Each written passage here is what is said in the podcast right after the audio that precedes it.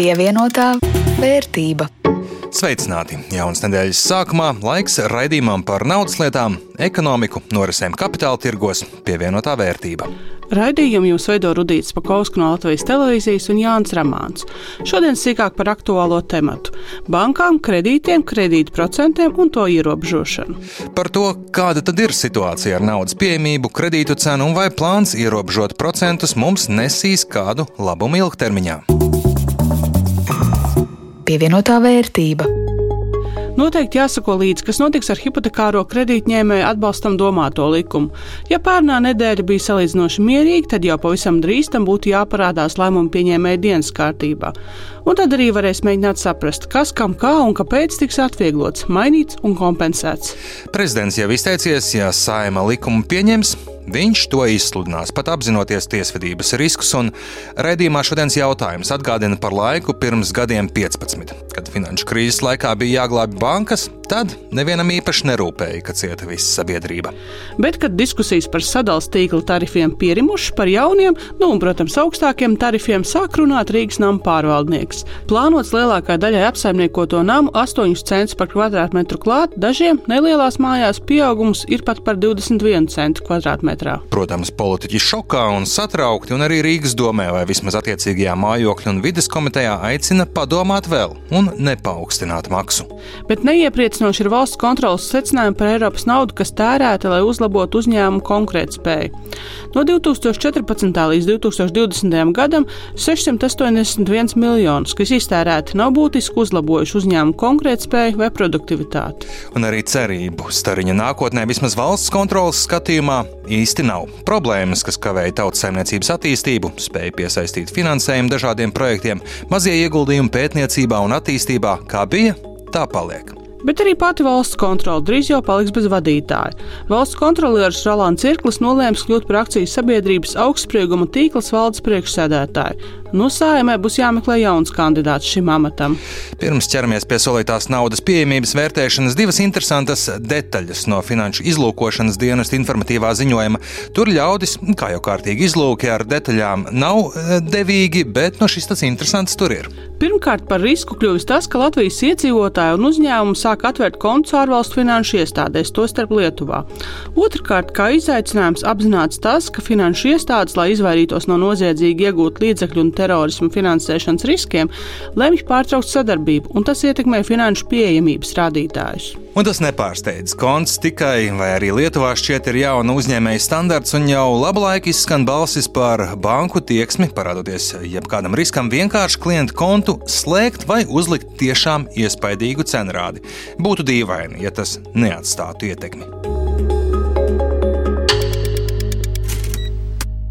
Šodien plašāk par kredītiem un kapitālu. Vēsturiski sāpīgu tematu, kur gadiem krātās problēmas līdz ar eiro procentu likmju kāpumu, tagad lien ārā kā īlēns no maisa. Tā nedaudz abstrahējoties no visām runām par likumiem, kur liek bankām samazināt aizdevumu procentus vai diskusijām par banku virs peļņas nodokli, mazliet par to, kāda tad ir situācija. Vienkāršojot dažādu objektīvu, neobjektīvu iemeslu dēļ, paskatoties pagātnē, mēs Latvijā par kredītiem esam maksājuši un joprojām maksājam vairāk nekā citi. Eiropas Savienībā. Ja skatāmies uz statistiku, tad kredītu pieejamības ziņā gadiem esam vilkušies Eirozonas astētoties kredītu izmaksas, respektīvi gan procentu maksājumi, gan ķīlas prasības ir bijušas augstākās.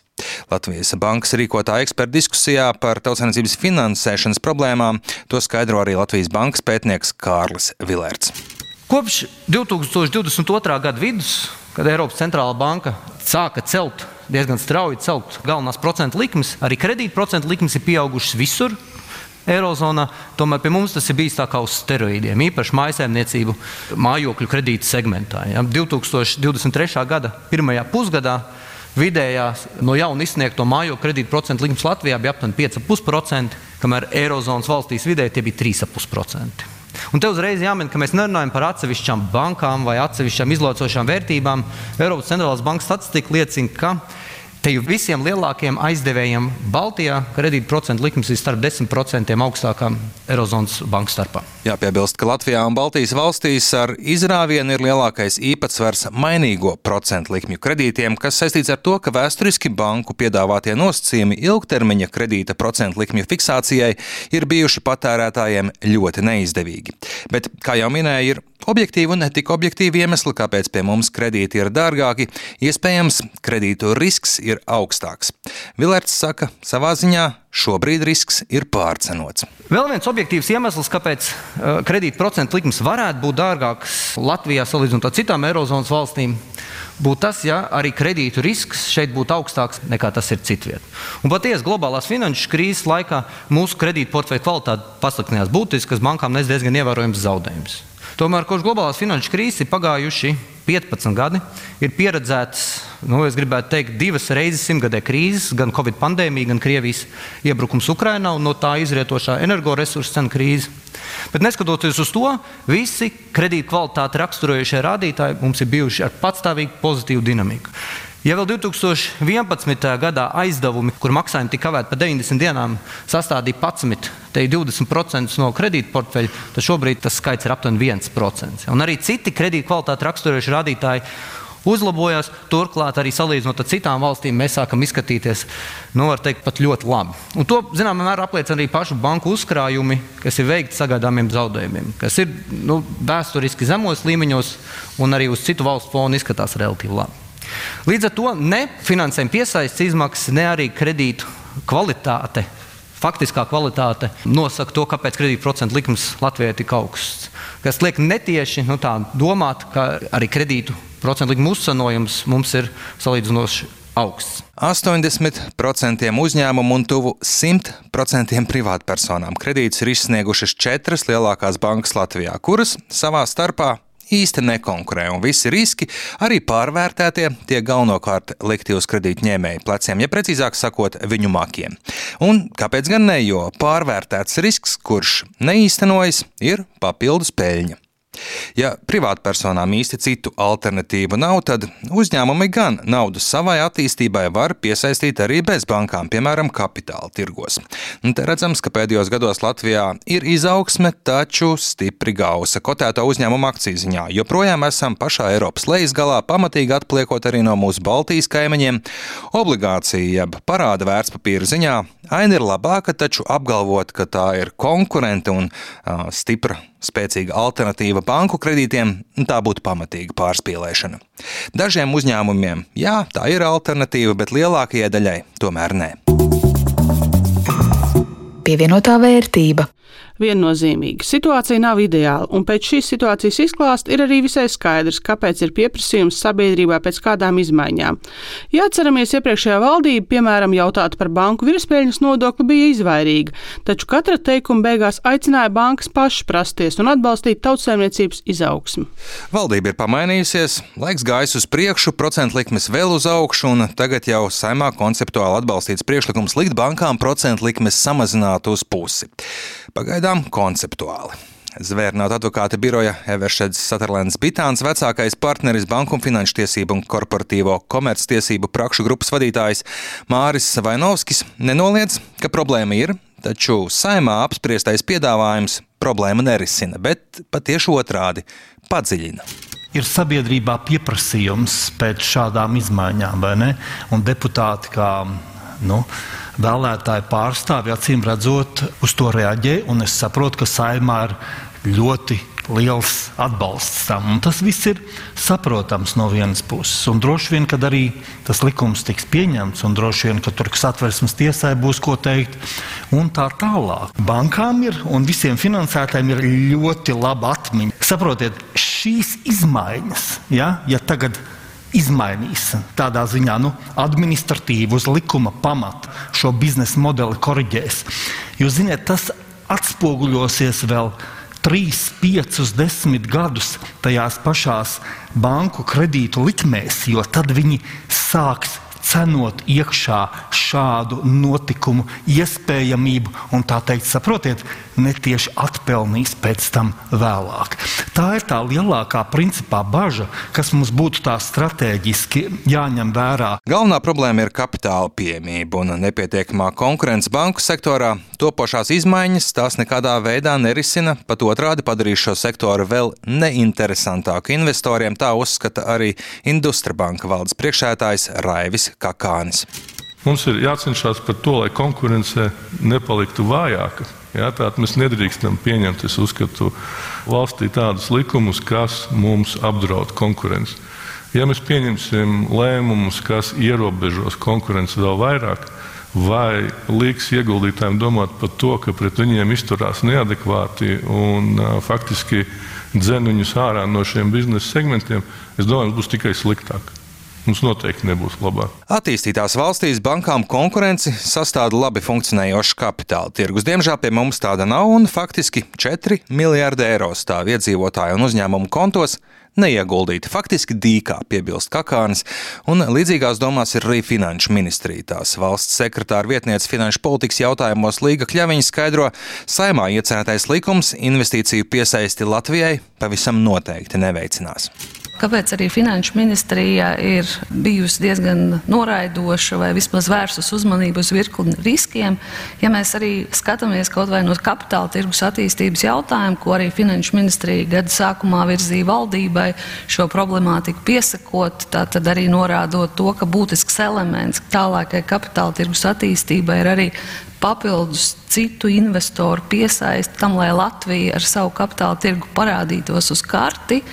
Droši vien regulējums, kas pēc būtības ar savu intervenciju iejaucās procentu likmi jautājumos, Tas rada droši vien investoriem jautājumu, labi, šoreiz tie ir hipotekārie kredīti. Šajā situācijā iespējams sociāla apsvēruma dēļ ļoti svarīga lieta, bet vai mēs nākotnē nenonākam situācijā, ka kādam šķitīs, ka iespējams kādi investori, kas ir ieguldījuši kādā valsts kapitāla sabiedrībā, arī iespējams saņem pārāk daudz, kas tādā veidā varētu tikt mazināts. Ir noprotams, ka Finanšu ministrija vēl saimnes gaitiņos centīsies, ko pielabot. Latvijas darba devēja konfederācijas prezidents Andris Bitte arī domā, ka ar normatīviem regulējumiem, lai gan, protams, var mēģināt, bet diez vai izdosies piespiest bankas uzņemties lielāku risku un aktīvāk kreditēt uzņēmumus vai nozares, kuras tās vēsturiski kādu iemeslu dēļ ir ignorējušas vai kredītus atteikušas. Bet skaidrs, ka neko nedarot, arī nekas būtisks nemainīsies situācija nav veselīga. Tā noformulēsim. Viņa nav traģiska, un ja nekas nemainīsies, arī nekas traģisks nenotiks. Mēs tā, atsevišķi sakot, pļurināsimies un neaugsim vēl ilgu periodu. Un turpināsim atpalikt no saviem kaimiņiem ekonomiskajā attīstībā, labklājībā un tā tālāk. Piespiest droši vien Komercbanku palielināt savu kredīta apetīti vai riska apetīti un kreditēt tādu uzņēmumu, droši vien nu, var mēģināt, bet diez vai tas izdosies. Ar administratīvām metodēm var motivēt to darīt un piedāvāt vai, teiksim, sagaidīt, kas ir nepieciešams no banka puses, lai to varētu darīt. Bet labāka situācija būtu, ja mēs varētu sagaidīt, kā kredītņēmēji no banka puses, tad, kad mēs ejam runāt par kredītu, prasīt kredītu vai izskatīt šo jautājumu, mums godīgi un atklāti pateikt, kur ir mūsu problēmas. Kāpēc mums nedod? Šī lieta ir aktuāla, jo bieži vien pat arī lielu uzņēmumu gadījumā mēs īsti nezinām, par ko mums atsaka kredīti. Kur ir mūsu trūkumi vai problēmas? Un šāda atklāta attiecību teiksim, veidošana būtu daudz vairāk palīdzētu mums veidot savu teiksim, iekšējo sistēmu tādu, lai mēs kļūtu vairāk pievilcīgi uh, kredītiestādēm. Pieliekot šai tēmai tādu daudzpunktu, var tikt izteikt savu secinājumu. Izskatās, ka šobrīd visu pirms tiek domāts, kā ierobežot, regulēt un noteikt, un tikai pēc tam, nu, vai nekad, par to, kā veicināt, lai tirgus saprātīgi regulētos pats. Ko es ar to domāju?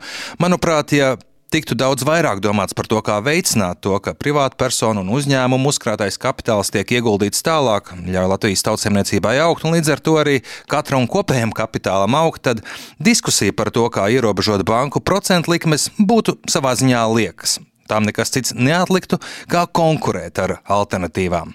Kamēr īsti alternatīva nav, teikšu bites vārdiem, tā arī muļājamies. Pievienotā vērtība. Bet kas tad notiek Baltijas biržā? Tur aizvadītās nedēļas laikā kritums reģistrēts tikai Tallinā. Rīgas biržas indeks palielinājies visstraujāk, tur 2,42% klāt. Viļņas biržas indeks palielinājies par 0,83%. Tallinā kritums 1,02% mīnusā. Lielākais apgrozījums ar enerģētikas uzņēmuma Ignitis un Enefit Green akcijām. To vērtības gan mīnusos, Ignitis kritums par 0,2%, bet Enefit Green mīnus 2,5%. Kas tad notiek mūsu pašu portfeļos? Rudīt, tev kā? Nu, man ne tā pati sliktākā nedēļa.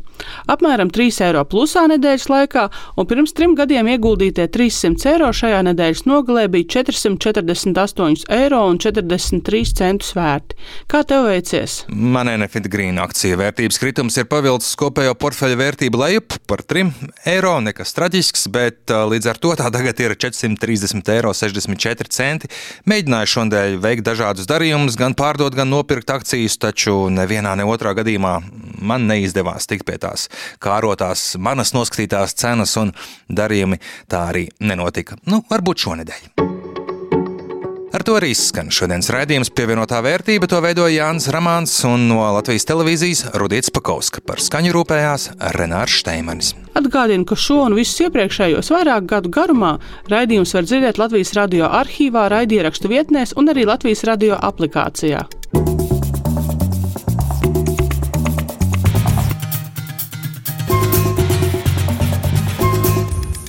Pievienotā vērtība.